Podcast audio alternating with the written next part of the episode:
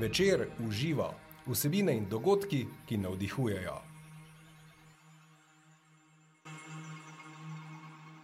Dobrodošle in dobrodošli v novi epizodi podcasta Večer uživa. Samo skrba. Tema, ki nas zadnje čase pogosto nagovarja. Bodite samo skrbni, vrtičkajte, zasajajte, obdelujte in negujte vsak kos zemlje, ki ga imate na razpolago. Tako nas spodbujajo. Kaj v resnici pomeni, da smo samo skrbni? Kdaj smo samo skrbni? Se samo skrba res začne na kosu obdelovalne zemlje, na vrtičku, gredici? Ali se morda njena zgodba ustvarja že dosti prej, v naših glavah, načinu življenja, razmišljanja?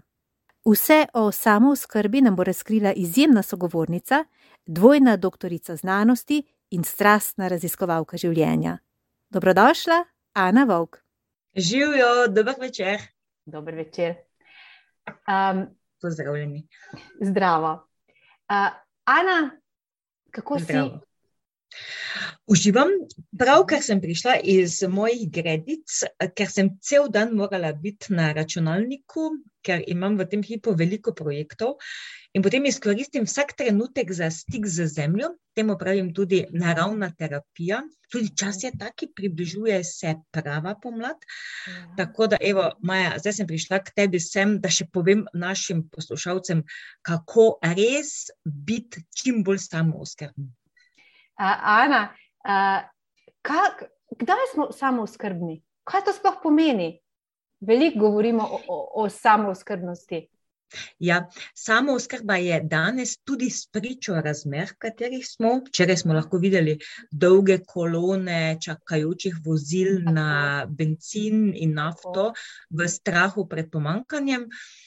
A veste, ni daleč, da nas lahko to loči od pomankanja hrane. Tudi dolge kolone, in kar lahko pomeni tudi prazne trgovine, zato ker Slovenija je preveč odvisna od globalnih trgov, zato samo oskrba pomeni stran od kakršne koli odvisnosti, popolna svoboda, tako da vsi čutimo, kaj pomeni imeti svobodo, to je nekaj največ, kar Ja. ja. lahko imaš. In popolna neodvisnost, to tudi poznamo, da v resnici od nikogar nisi odvisen, zato se samo oskrba začne v načinu razmišljanja in pri vrednotah. Ker če mi ne razvijemo teh vrednot, da sodelujemo z naravo, da verjamemo, da lahko z naravo sodelujemo in tako celostno postanemo samooskrbni, to pomeni fizično, torej z hrano, pijačo, oblačili. In tudi duhovno, to pa pomeni te višje ravni zavedanja, ki nas v resnici polnijo, nam dajo zadovoljstvo, nas samo uresničujejo, ker samo danes biti sit in na toplem, v bistvu ni samo oskrba. Danes je celostna samooskrba biti jaz, torej to, kar je moje poslanstvo, da v resnici lahko udejanjam, kar je pa vezano tudi na duhovne vrednote. Na nek način imam srečo, da prihajam iz znanstvenih krogov, iz trde znanosti, ki pa jo zelo meščam z temi duhovnimi znanostmi, zato ker ni mogoče sprejeti danes samo a, dejstva, številke, statistiko, ampak je potrebno na realno življenje pogledati tudi iz vidika, bomo rekli, kozmosa, vesolja, našega poslanstva. In ko to povežemo, ma, smo lahko hitro samooskrbni. Jo, je krasno. Ana, se nekje, nekje sem zasledila v enem intervjuju, si rekla, da um, ma, imaš dva doktorata, zdaj poveva, Ja. da uh, z področja pokrajinske geografije in iz varstva okolja. In si Ja. hkrati rekla, uh, da sama znanost, ki ni prepojena z življenjem, ne šteje nič. Ne? Ja, danes Oziroma lahko manj, opažamo, malo. ja, nič bomo kar rekli, Danes lahko opažamo, uh, pač sreče manj, ker na dveh bregovih živim. Ja. En breg je čista znanost, en trik je pa življenje. Ja. In čista znanost zelo podpira objavljanje v svetovnih revijah, ki se točkujejo in prinašajo navidezne točke znanstvenikom, da se rangirajo, da se med sabo tekmujejo. Uh, objave, jaz jih spremljam, ki so v teh revijah, v resnici nič novega ne prinašajo, Mhm. tri četrt je samo citatov. Recimo članek na osmih straneh ima še šest strani citatov, tisti avtor je samo povzemal, kaj so drugi že napisali, in vejico, in to je dodal. In to naj bi bila znanost. Jaz sem absolutno proti, tako da jaz niti slučajno nisem klasična znanstvenica, to sem že zelo hitro izstopila iz teh vod, zato ker se mi zdi, nepomembno za javnost, tudi zavajajoče, samo navajanje nekih številk, neke statistike. Zato sem pripojila to življenje. Življenje je pa več kot samo neke številke, neki podatki. Življenje je pravzaprav ta duhovna raven, ta višja raven zavedanja, ker če mi znanstvenim odkritjem, ki sicer temeljijo na nekih podatkih, nekih statistikih, meritvah, še ne dodamo življenjske vrednote, potem pravzaprav te stvari sploh niso uporabne v današnjem življenju in tudi ne v prihodnje. Zato se mi zdi danes vseeno, ali pa malo prihodnje prihajajo kar težki časi, ne? ne bo tako enostavno najti neke poti za blaginjo človeštva, za enakopravnost v, vredno, v vrednotah in v materialnih dobrinah. Zato je naloga znanosti, da razišče poti, da človek ohrani to blaginjo, ki jo je skozi tisočletja razvil, istočasno pa da se vgradimo v naravo, da čutimo, da smo del nje, da ne izstopamo, kaj šele tekmujemo z njo. A veš, to je pa že sprememba načina mišljenja, ki pa danes še ni na tako visoki stopni, ker je tehnicizem, uh, neka, kaj bi rekla, um, samo da se nekaj izmeri, da se nekaj dokaže, še preveč prisotno. Tako da znanost se bo morala precej razmeščati in k sreči se to že dogaja. Tudi mnoge univerze, tudi univerza v Mariboru, gre v to smer, tam sem zaposlena tudi, Ja. vodim tudi skupino za zeleno prihodnost in rektor zelo podpira ta način razmišljanja, kar se mi dve sedaj pogovarjamo. Tako da k sreči so stvari tudi v znanost že prodrle, je pa res, da veliki sistemi, kot so univerze ali pa neka velika podjetja, potrebujejo več časa, da pride do Mhm. dejanskih sprememb. Mhm. Tu v bistvu, Ana, zdaj nekako bi lahko rekli, ta model uh, k nam nekako uh, nas uvajaš v neke te, um, te sisteme. Ne? Um, povezovanje znanosti z življenjem, oziroma ja, da se prepoji v naš vsakdan. Ne? Moje poslanstvo, tako Ja. ga razumem, pa čutim že dolgo časa, je, da naredim mostove Ja. med visoko znanostjo. Sama sem kar dolgo časa živela na Dunaju, prvi Ja. doktorat tudi delala na Dunaju, uh, drugega potem v Ljubljani. Torej, da to. Tisti, ki smo imeli možnost, da smo se lahko izobrazili na naj, do najvišjih ravni, da postavimo mostove, da to znanost pripeljemo v življenje ljudi. Ker ne na zadnje, če se to ne bi dogajalo, potem bi danes družba še vedno bila na nivoju praskupnosti. a ne? Če ne bi mi uvajali inovacij, Mhm. izboljšav, nekih novih pristopov, dan danes, ko je pa tempo življenja tako hiter, je pa to še posebej pomembno. Zato je treba zelo paziti, da ni namen znanosti samo razvoj nekih novih spoznanj za predale, ampak jih moramo takoj vgrajevati v način življenja ljudi, pri čemer pa opazimo, da veliko stvari sploh ni uporabnih, da Mhm. znanost veliko krat nima prav, ker stvari v realnem življenju delujejo povsem drugače, so na drugih nivojih, ljudje določene stvari sploh ne sprejemajo. To je moje neko poslanstvo in v tem jaz tudi tako čutim a, neko zadovoljstvo, da neko znanost potegnem v družbo, v način življenja in uh -huh. izločim tiste stvari, ki niso uporabne in poglobim in. Poglobim in razvijem tisto, kar se v resnici rabi. Zato sem šla tudi v ta mednarodni center za samo oskrbo, ker če celostno samo oskrbo ne razviješ, potem tako niti za sebe ne znaš poskrbeti. Tako. In ti to razvijaš zdaj v tem v dolah. To je neke vrste inštitut, oziroma poligon, neka posest, ne? uh, kjer, kjer razvijaš to idejo samo oskrbe, oziroma jo živiš. Um, pa govoriš o celostni samooskrbi. Lahko pojasniva zdaj. Ja.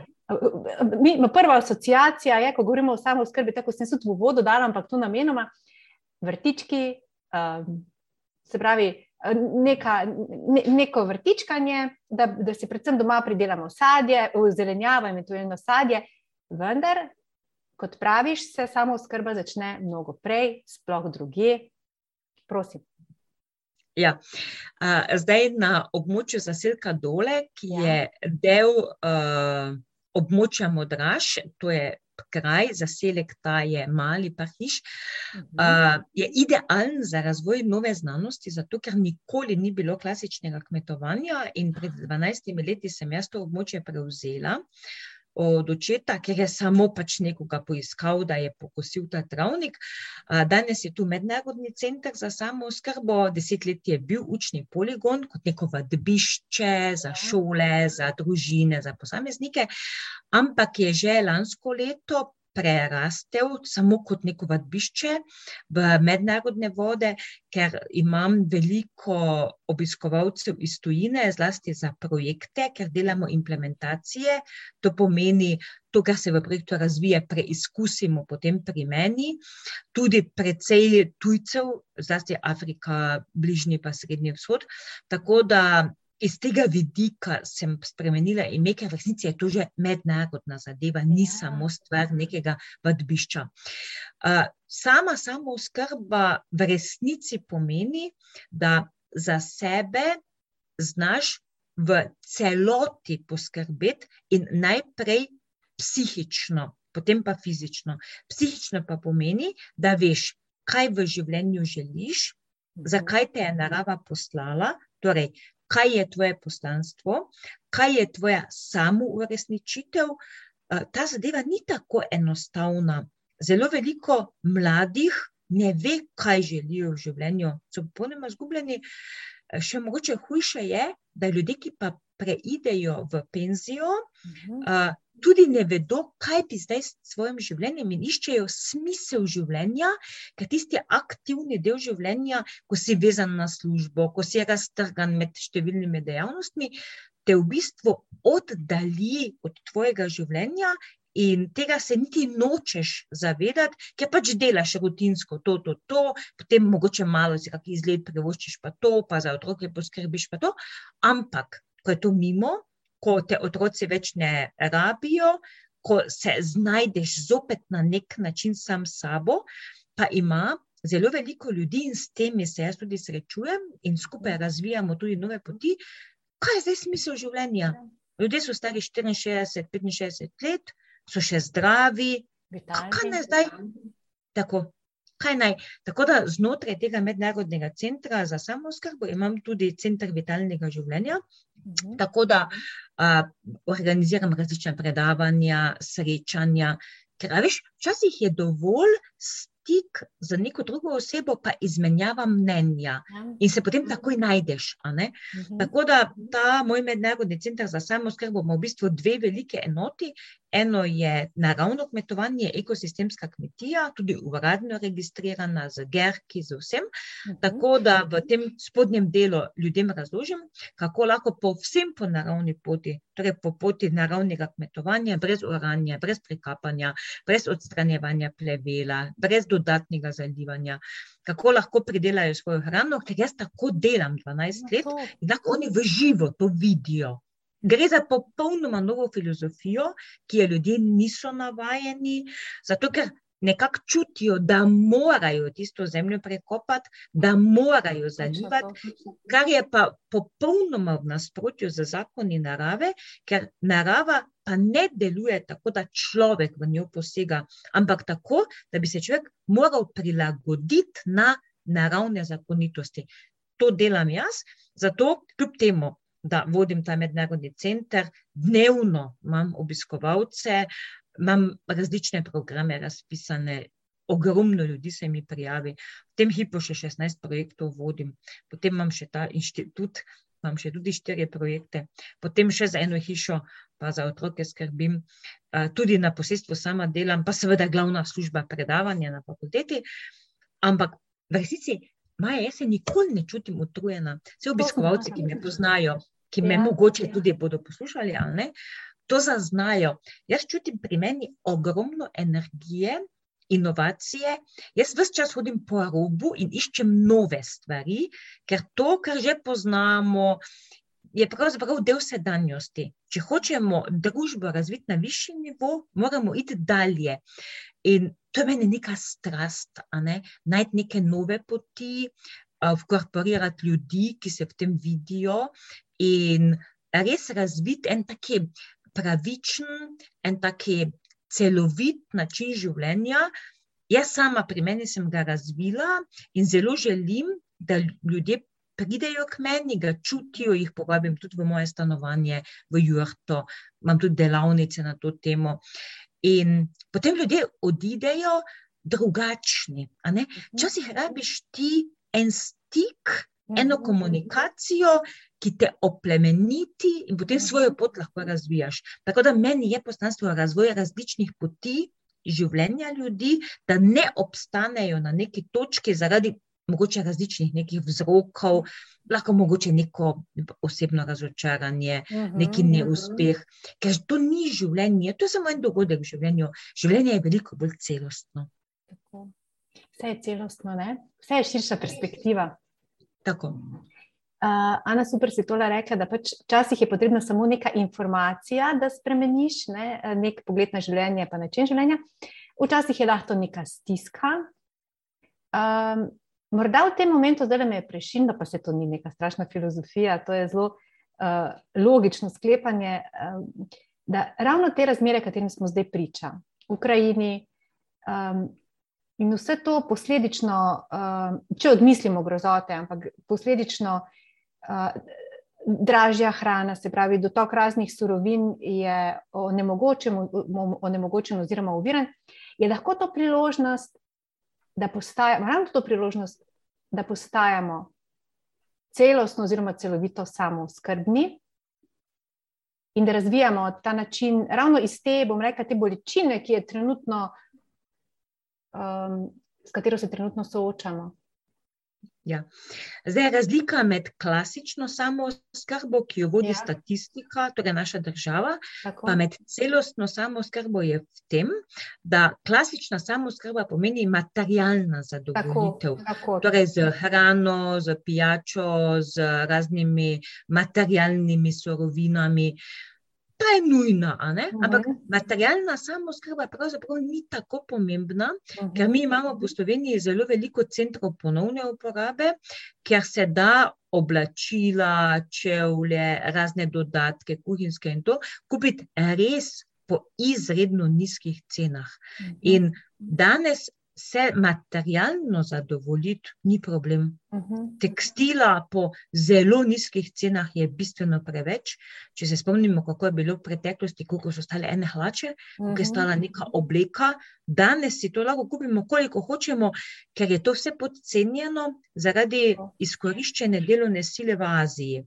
Tako da torej danes doseganje neke materialne samooskrbe, tudi iz vidika hrane v mhm. trgovinah, v teh vele trgovinah je hrana bistveno podcenjena, zato mhm. ker jo pridelajo na zelo krut način, na zelo kemičen, uničevalni način, zato je hrana tako poceni. Če bi se hrana pridelovala na živi način, torej, da bi ohranjali živo zemljo, da bi ohranjali vitalnost rastlin, potem hrana ne bi bila tako poceni in dolgoročno tudi ne bo. razlika med klasično hrano, ki je kemizirana, pa vitalno hrano je v tem, da klasična hrana ti pomeni odpadek v telesu, ker ni živa in potem telo porabi ogromno energije, da se tega znebi, ker naše telo je grajeno tako, da se hoče znebiti vsega, kar ne spada v telo, in zato se dosti ljudi počuti po obroku, utrujene, nimajo neke motivacije, celi so zlamani, nimajo tudi neke vizije in tako. Za razliko od vitalne hrane, ki jo recimo pač pridelujemo sami, ki ima življenjsko energijo, to pa zato, ker jo že kot sadiko sadim, vse jaz, pa tudi ja, vsi ostali, ja. ki se na ta način ukvarjamo, ko je dan za koren, ko je dan za sadež, ko je dan za list, takrat so najmočnejše podporne sile iz kozmosa. In mhm. takrat rastlina že dobi podporo, potem pa se vse čas s to rastlino srečujem. Jaz se tudi pogovarjam z rastlinami ja, in si ja. izmenjujemo energijo, ampak ne to zdaj na neki, bom rekla, neki čuden način. Ne? Ampak čisto tako, pogledam, kako so rastline, ali kaj rabijo in tako. Neki odnos imamo razvit mhm. napram strojnemu obdelovanju, ko pride traktor, ki vozi z temi zelo več ton težkimi stroji po nivi, tepta, uniči, povozi rastline, se sploh z njimi ne ukvarja. Tiste rastline na konvencionalni način nič ne dobijo od človeka, v bistvu morajo rasti v uničeni zemlji, in zato jih potem morajo, kao, dodajati škropiva, gnojila, ne vem kaj, in jih rešujejo. Mi, ki pa obdelujemo zemljo po naravnem kmetovanju, mhm. pa samo v naravo vsadimo dodatno, kaj rabimo, ostale, ostalo poberemo iz narave in se sploh ne ukvarjamo z obračanjem zemlje, z gnojenjem, z odstranjevanjem plevela, ker za nas tu ni plevel, za nas so to vse uporabne rastline. Tako da, ker je ta filozofija tako različna, mhm je mhm. celostna samoskrba nehote povezana z načinom razmišljanja, z vrednotami, z odnosom do narave, z zaupanjem do vesolja, česar klasična pridelava nima. Zato tisti, ki jemo to vitalno hrano, res imamo zelo veliko energije. Jaz tudi še sedem let bližam, ne na zadnje, ne? Pa, se te, pa se sploh ne počutim tako. In, uh, ja, hvala. Ja, in ogromno stvari na novo delam, in moji kolegi, kolegice, podobne starosti, ki živijo konvencionalno, uh -huh. se čutijo, zakaj se meni to sploh ljubi. Zakaj se meni to sploh da delati, ker oni samo še čakajo na penzijo in ne vem, ali konec življenja, ali kaj. Jaz pred sabo še najmanj vidim 40 let aktivnega življenja, ker verjamem, da če si tako povezan z naravo, resnično, pravično, da te narava podpira nazaj in jaz sama to čutim. Gotovo. To je vzajemnost, ne? to je ta tok okrog. Uh, dobro, si tu rekla, si ti, da verjetno pres, prestrezaš te komentarje, Ana, kako se ti to ljubi, ukvarjati s tem. Ker dejansko za nekoga, ki nima ponotranjenega tega načina življenja, je to garanje oziroma neko nenehno naprezanje. Ne? Ja, ja, ja, Malo se koga mogoče to odbije, da bi sploh korak naredil v to smer. Ja. Zato, ker razmišljajo tako, kot so naše stare mame, pa ja, stari ja. očeti, cele ja. dneve so čepeli ja. na nivah, fizično delali, vedno bili lačni, ničesar imeli, zato ker so dejansko najprej zemljo uničili, ker so jo mhm. preorali, pregnojili, ugasnili vso življenje v zemlji, uh -huh. potem so se pa mogli dodatno truditi, da so to življenje spostavili nazaj, in v resnici so imeli zelo veliko fizičnega dela, samo za tisto osko pridelavo hrane. -huh. Danes imamo dovolj znanja, da nam ni potrebno tako. Danes razumemo ekosisteme kot zelo celovite, uravnane pristope, pa vzamemo ekosistem gozda, travnika, mhm. nive, vode, potem obrobnega pasu v gozdu. Vsak delček deluje kot celota. In če mi poznamo, kako ti deli delujejo, se mi samo v njih vgradimo. In jaz lahko si v vodi nekaj pridelam, lahko si v gozdnem robu nekaj pridelam, lahko si na travniku, v gozdu. Njivske ekosisteme, torej tiste, ki človek oblikuje, pa oblikujem tako, kot bi jih narava. To pomeni, ne prekapam, ne obračam zemlje, ne pulim plevela, ker ga itak ni, ampak Mhm. samo dodajam materijale, to je od znotraj za zadrževanje vode, stari tekstil, volna, na vrhu pa pokrivam z slamo ali pa z miskantusom, da mi voda ne izhlapi. Mhm. Druga ne rabim. In ti sistemi delujejo sami, 12 let zdaj to delam, in zraste na hektarov pa pol, pri čemer imam vsega skupaj mogoče 500 kvadratnih metrov gred, bistveno več, kot pa če bi imela, ne vem, 5 hektarov. Zato, Mhm. ker je ta biointenzivna metoda, Mhm. ker se ukvarjam direktno z rastlinami, tako Mhm. močna, da rastline dajo bistveno več produkta nazaj, kot pa če bi bila to neka konvencionalna metoda, kjer rastline ravno zvegetirajo in preživijo. Oziroma, si mi dala na fulju nekih istočnic. Um, uh, najprej bi te vprašala. Se pravi, um, čist konkretno bi me zdaj zanimalo. Uh, nek določen ekosistem, zdaj vzamemo recimo travnik, imamo doma nek, vsaj okoli, zdaj tisti, ki živimo v hišah, imamo vsaj nekaj metrov travice. Ja. Pa bi jaz rada se v bistvu lotila tega bolj, um, kaj, kaj, to je biodinamičen sistem, o tem, kar se govori, tega Ja, načina uh, obdelave zemlje. Se pravi, da jaz ne rabim, mislim, to, to, to, to se res sliši zelo čudaško, mislim, izven naših, uh, tistega, kar poznamo, ne rabim zdaj jaz prelopatati, ne vem, hočem imeti eno gredo. Ne Ne, smeš. da se ne rabim neke grede narediti. Ne. Maja, če, Ja. Maja, če boš prelopatala ali pa dala preorat, pa Ja, slučajno dva tedna ne boš potem do tiste površine prišla, ja, potem bo trava bujno zrastla, čez dva, seveda. tri tedne bo trava začela rasti in je to neobvladljivo. Tako da Mhm. nam ni nobena rešitev, da bomo z temi zelo ostrimi stroji, to pomeni Mhm. plugi, branami, šli nad zemljo, ker bomo ubili ogromno organizmov. Moramo vedeti, da takoj pod zemljo živi zelo veliko organizmov, ki delajo za nas. tako. Če bo zdaj prišel traktor, preoral, prebranal, bo jih polovico ubil. Ne Ja. hote.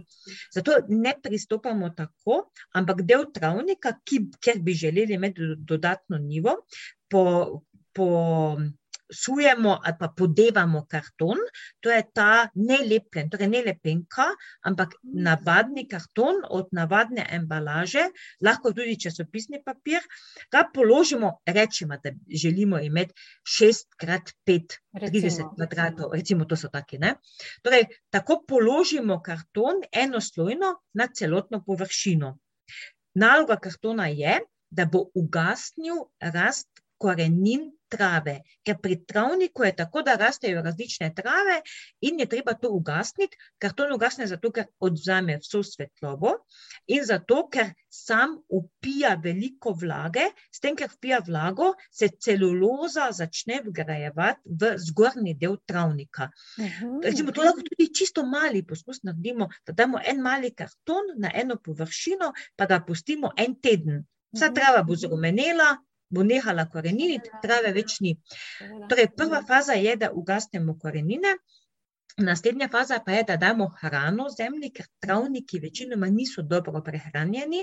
Hrana je pa najboljši navadni rastlinski kompost. To pa pomeni, ko smo iz vrta zbirali zeleni del, to so ti ostanki od rastlin, ki so Mhm. zrastli, pa potem eh, smo pobrali plodove, kakršni koli zeleni ostanki, potem rjavi del, rjavi del je listje, potem Mhm. kakšni mleti, eh, mleti les, tako da niso prevelike veje ali pa kaj.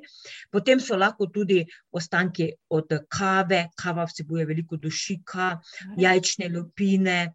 eh, Jajčne lupine vsebujejo kalci, potem uh, pepel, pepel vsebuje kali, in vse to posujemo po površini.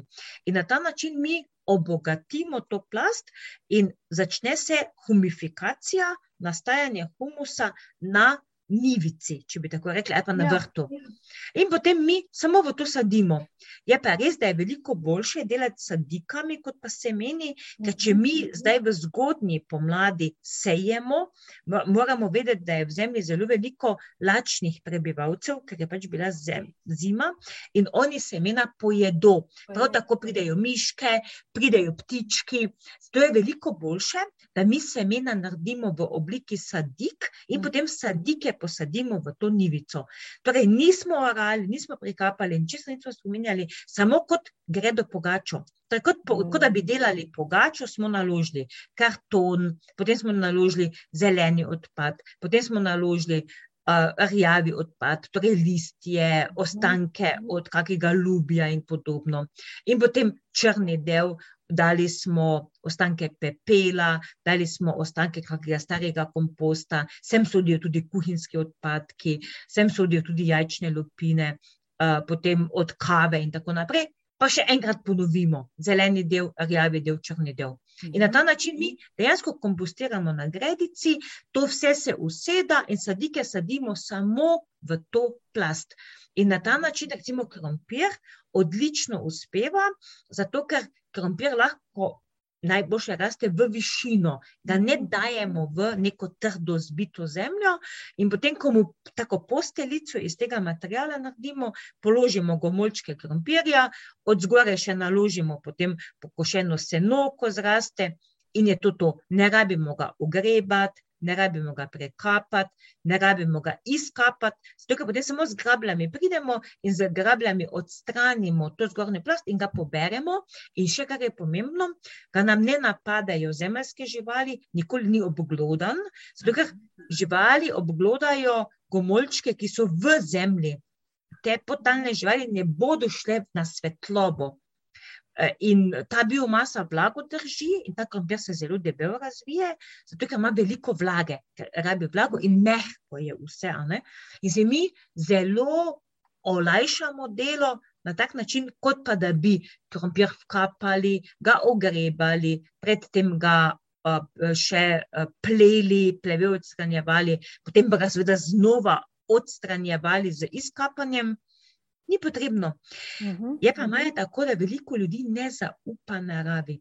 Ja, Veliko ljudi ja. misli, da narava tega ne zmore in se držijo tradicionalnih pristopov. Mhm. Najboljše je, da se znajdeš v časovni stiski, da pač nimaš časa, ker potem pa dejansko vidiš, da to deluje. Tako je bilo pri meni tudi.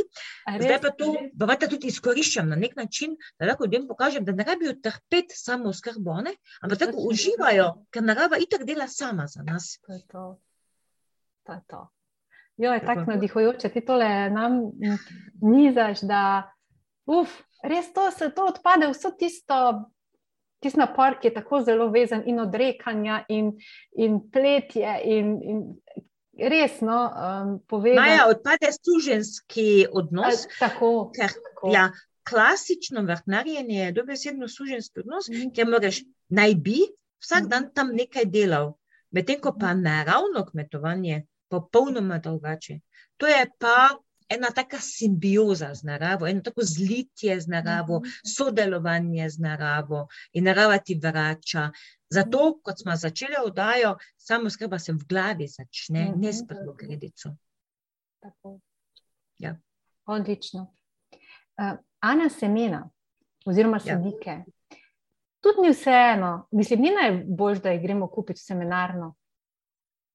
Mislim, je Zdaj treba neko, kako rečem, poreklo ali pa neka ta nar naravnost, da jih sami vzgojimo ali kaj. No, zdaj ne vem, jaz, jaz bom to leto sprobala eh, po tvojem, po tvojem uh, uh, namigu.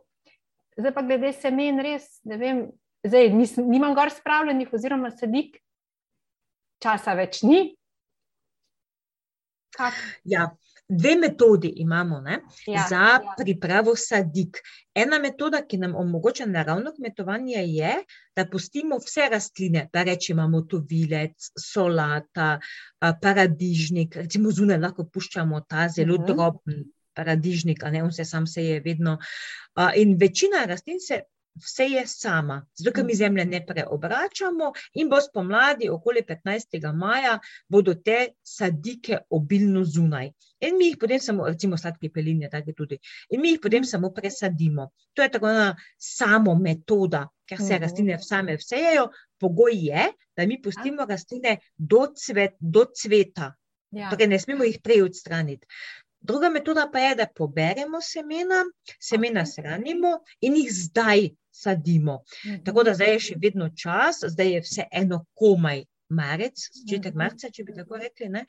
Zdaj pa semena, če imamo svoja, je veliko jamstvo, da bodo stoprocentno kalila. Mhm. Če jih pa kupimo, Mhm. pa tega jamstva nimamo, zlasti ena italijanska semena zelo slabo kalijo, zato ker jih sušijo pre, na previsokih temperaturah. Tako da se lahko zgodi, da mi sejemo semena, ampak pride tu pa tam kakšna ven ali pa nobena. To se tudi Mhm. zgodi. Zato je vredno, da imamo čim več svojih semen. Ker lastne semena, ki smo jih na zračni temperaturi posadili, bodo kalila, 100%. Jaz se s tem zdaj 12 let zelo intenzivno ukvarjam in meni moja semena vse, meni se zdi, da sem jih manj dala v zemljo in jih potem pride bistveno več ven. Mhm. In potem se bolj razsajujem, medtem ko pa tudi kupujem določena semena, da malo testiram, Mhm. pa včasih tudi niti eno ne pride ven, Ja, niti ja. eno. Ja. Zdaj pa tako, če pogledamo cene sadik, recimo zdaj so cene sadik med 2,75 evra in 4 evre. Mhm. In ena sadika, tako da se ekonomsko zelo splača, da mi sami sadike naredimo, ker mi lahko neko sadiko, ki smo jo kupili za 4 evre, posadimo, pa bo naslednjo jutro v luharju pojedel koreninico, pa ne bomo imeli nič. Ne? Zato je zelo bistveno, da sami sejemo. Metoda sejanja pa je enostavna. Najprej zelo enostavno je tako, da vzamemo ta korita, ki so za rože, a ne ki se Mhm. dajo na okenska Mhm. polica, police tudi. Od spodaj damo listje, recimo 20% damo listje od spodaj, na vrh nasujemo pa to zemljo za uh, sadike. Ja, sadike. Eh, Za sadike, za zelenjavo je posebej, ker ima uravnovešen način. Jaz edino to zemljo kupujem, ki je za Mhm. sadike, ostale zemlje nikoli nič. Mhm. Zato, ker moja zemlja je težka, ilonata, glinasta in ne bi mogle sadike noter uspevati. Mhm. Tako da Ja. to je pač neka pripravljena zemlja, ki je tudi ekološko ustrezna.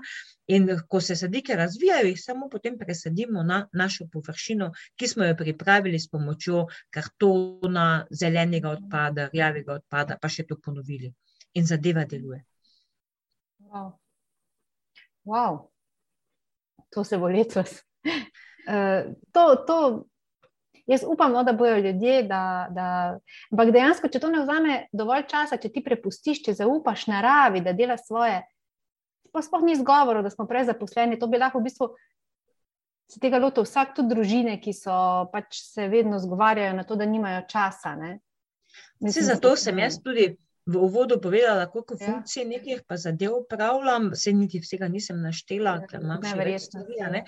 Ampak uh, narava zna vse narediti, moja naloga samo je, da to, kar jaz rabim, ali zdaj rabim več solate, ali rabim več radiča, ali rabim Mhm. več rekvice, samo to dodam, ostalo vse dela Mhm. narava. To je bistvena sprememba. Pa tudi to, da pustimo, da narava dela, ker ljudje se preveč vtikujejo v delovanje narave. a ne. Hočejo Mhm. varati, hočejo zalivati, hočejo spreminjati obliko. To nič ni potrebno. To, kar funkcije narave, je nepomembno. Mhm. Ampak izgubiti ta občutek, da to ni pomembno, ni tako enostavno, ker so ljudje, jaz rečem, zašolani v to smer. Ja, točno to, za šolanje. Ja. Res. Biti pridni, ne? Ja. Ampak ta pridnost je lahko škoda. Mhm. Danes je boljše biti priden na neki taki drugi, bolj inovativni Mhm. način, da se ti doizobraziš, da prebereš določene stvari, tuje prakse pogledaš, kot pa da ti fizično nekaj delaš, samo zato, ker je tvoj stari ata pa stara mama to delala.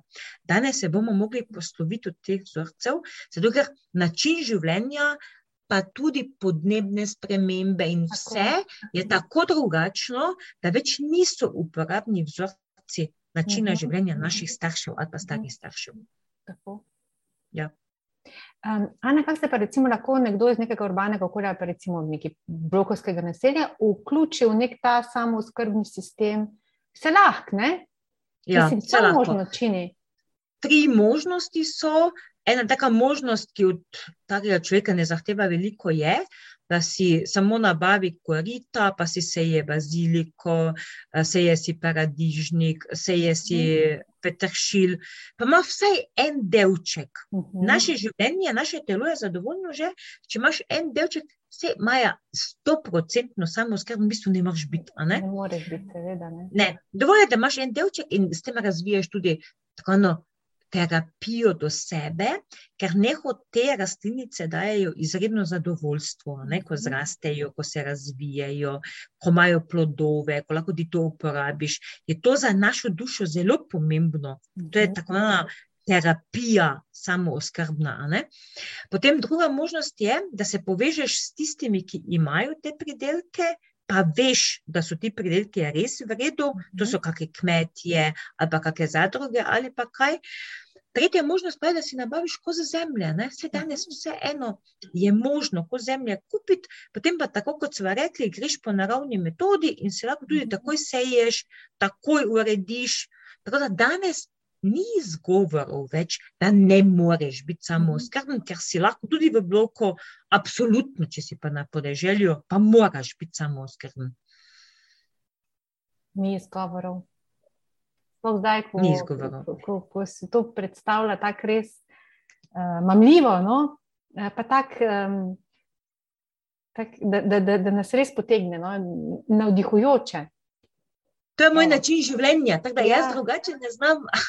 Si zgled, ne? v bistvu zgled se, se pravi vidi iskrenost, uh, se čuti, ne? nekdo pač, ki samo predava o nečem, o, Ja, informacije samo na nekem nivoju zbira in jih podaja naprej, pa nekdo, ki iz izkušnja ne? to živi. podaja, Tako je. tako, ki to Je. živi. Meni je to bil cilj, jaz sem imam tako taki živi laboratorij, Ja. zato ker, a veš, če ti samo iz knjig nekaj prebereš, pa to ljudem posreduješ, pa ti tega skozi sebe nisi spravil, skozi usta, skozi telo, pa potem ven in tako naprej, Mhm. potem nisi verodostojen, ker ti v resnici moraš to živeti, da lahko potem vse prednosti, slabosti, celovite samoskrbe ljudem predaš, ker niso samo prednosti, vse so tudi slabosti. Mhm. Recimo, ena taka slabost je, da nimaš veliko prostega časa, sploh če Mhm. kombiniraš z službo, narava te ne čaka. Ja, Ko je ja, dan za plot, ko je dan za zeleni del, ti to moraš narediti, pač Mhm. bo pač čez en teden ne, in boš lahko že prepozen. Narava ima svoj ritem, vse zdaj, če gledamo, žene že poganjajo številne stvari. Briga naravo, ali imamo mi čas ali ne, ali se nam ljubi, ali smo zdaj mi uspeli to narediti. Naravo to ne zanima. Narava gre naprej. Če mi ne bomo skočili na voz, pa šli z naravo, bomo prepozni. Narava pa rekla, tu let, prepozno, naslednjo leto. Ja. Narava je kruta, narava je kruta. Če ti graha nisi posadila zdaj, ga nimaš. Če Mhm. boba nisi posadila februarja, ga nimaš. Zato, ker zdaj je prepozno, marec je prepozno. Ne, Ne bo graha. ne bo. Tako da se ga lahko v jeseni spet sadiš, jeseni ga lahko. Ne? Ja. Tako da hočem reči, da samo oskrba ni samo a, tisto lepo, a veš, ker Ja. samo vse pride, narava ti skozi pladne nosi pred tebe. Najprej moraš ti biti odgovoren in ti vse narediti, pogoje Mhm. pripraviti, potem pa je narava taka. To pa seveda pomeni tudi odrekanje od nekega digitalnega načina življenja. Narava ne deluje na tipke. Narava ne rabi računalnikov, telefonov, nič, to lahko vse pustiš nekje. Narava deluje na fizični stik in narava je tako podobna kot mi.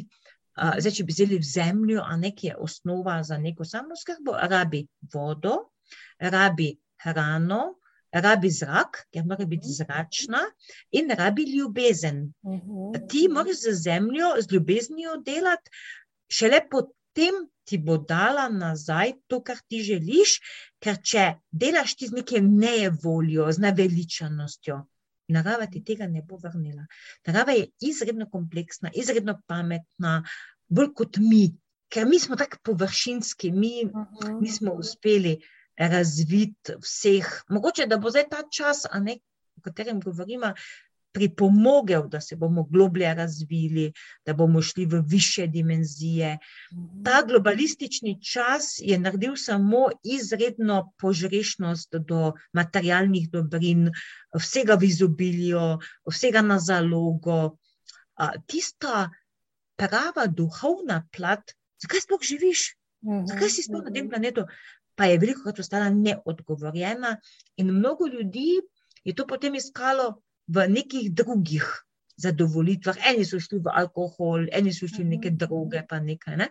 Zato zdaj iščemo poti, kako bi čim širši generaciji ta navdih dali. Da je življenje lepo, da imaš poslanstvo, da je tvoja naloga, da sledi, puščaš in da se splača potruditi. To se meni zdi zelo pomembno, da ne obupaš, da vztrajaš, da to, kar si si zadal, do tega tudi prideš. Ker to instant življenje, ki je pač do zdaj bilo, pa malo še je, je veliko krat, da sem rekel, če ni takoj zdaj, pač ni. Točno, Potem pa se ne da. Zdaj ja. tudi. Ne, ne samo izobilje, ja, ja. ampak izobilje zdaj. Ja, tako. Ja, ne. Kar ni to, to. Tako da skozi ta center vitalnega življenja probamo ravno te stvari stret, jih na novo ovrednotiti, pridejo ljudi, tudi ljudje z različnimi izkušnjami. In včasih tudi podajo potem kakšne svoje izhodišče, in se potem vidi, da moraš znati na življenje pogledati iz več strani, ne samo iz svoje strani. Ne? Tako je širše. Ja. Z, z vidika narave in z njo sodelovati če, ja. če, če skleneva. Ne? In pa je Tako. časa dovolj, in je vsega dovolj, in je vse v pretoku. In... Točno. To je to. To je tako. najbolj naravno stanje, evo, tako, nas vseh. Ja. Ana, za konec še um, lep pogovor je bil zelo lep, jaz sem zelo uživala. Um, jaz tudi. Ja, ja, hvala. Um, moto naših podkastov je pa nekako uh, sogovorniki, vsebine, ki navdihujejo. Ana, kaj te navdihuje? ti razpira krila? Uh, ja, mene najbolj navdihuje to, da vedno znova vstopam v naravo. Uh, vedno se zbudim ob 4 zjutraj, to imam klasiko. Uh, ker takrat pred sončnim vzhodom so energije najbolj močne in takrat se tako najlažje zelo globoko poveže z naravo. Tudi kot neka taka samoevalvacija, pogled na prejšnji dan, pogled na naslednji dan. In meni je tako navdihajoče, da se čutim kot del tega celostnega sistema in probam v njega doprinesti, kar pač znanost na nek način omogoča, zato da odpravimo težave, ki smo si jih sami naredili. Nekaj težav tudi narava sama naredi, ker izravnava mhm. in da bi čim bolj družbo potegnili v taki občutek blagostanja, to ni bogatstvo. Blagostanje pa bogatstvo sta dva pojma. Blagostanje pomeni eno tako eno tako osebno zadovoljstvo, hvaležnost, mm. da si na tem planetu, da lahko neko sled pustiš, da lahko drugemu predaš tudi del sebe, da si uspel doseči tudi neke rezultate, ker ne na zadnje šolali smo se za to, tudi neki poklic dosegali, da se nekako na neke. Če primerjamo z lestvijo na više ravni spravimo. Ne? In zato je naša naloga, da to vrnemo družbi nazaj, ker različno smo pozicionirani. Eni ljudje grejo v eno smer, eni v drugo. In meni je taka motivacija ali pa nekaj taki. Največji cilj je ta brezmejnost. A, ja. a veš, ko lahko ti res ustvarjaš brez kakršne koli meje. Zato jaz pogosto uporabim prispodobo: stojiš na robu ali je to zdaj neki piskar, posoda, robežovina, in gledaš daleč, kot pa da si ostal v njem, pa nisi nič videl. Ne? Torej, ta brezmejnost, svoboda, ko res iz sebe lahko razviješ to, kar te je narava poklicala, in predaš kot sled generacijam naprej, pa tudi kolegom, sodelavcem, znancem, in na ta način izboljšaš življenje v smislu izmenjave informacij, odnosov, povezav, ker samo življenje pravzaprav ni mišljeno kot neko um, uh, da je človek za sebe, da je človek odmaknjen od uh, realnosti. Seveda si to lahko kdaj pa kdaj privoščiš, ampak bistvo življenja je, da pustiš sled, po kateri potem hodijo tvoji zanamci. In to instant življenje, ta globalistični način je to hotel uničiti, da teh sledi ne bi puščali, da bi se predali materialnemu zadovoljevanju, ki je pa vedno znova prineslo nezadovoljstvo in potem težnjo po vedno več. Ti odmiki, ko govorimo pa zdaj o celostni samoskrbi, pa te pripeljajo do tega, da si bolj srečen, da nimaš nič tega, ne rabiš nobenega materialnega bogatstva, ker dejansko, maja, kaj pa rabiš oblačil, kaj pa rabiš ti nekih. Jaz kuham vse sama, to, kar pridelam, jaz iz trgovin, ne jem ničesar, nikoli nisem lačna, vedno imam dovolj energije, super se počutim. In se mi zdi, da je to pot k takemu vitalnemu življenju, in to, pa seveda še druge stvari, ki jih nismo danes odprli.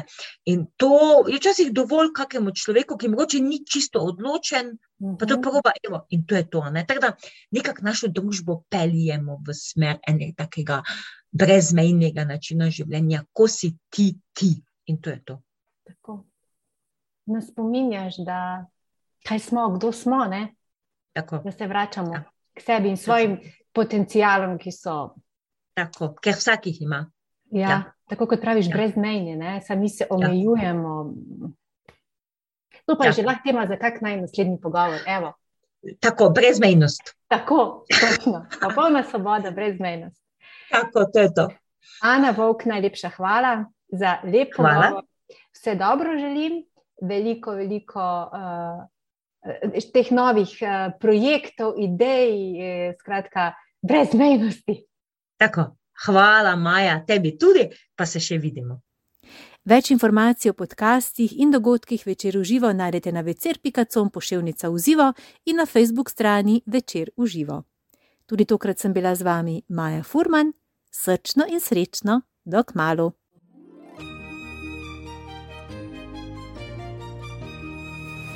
Večer uživa vsebine in dogodki, ki navdihujejo.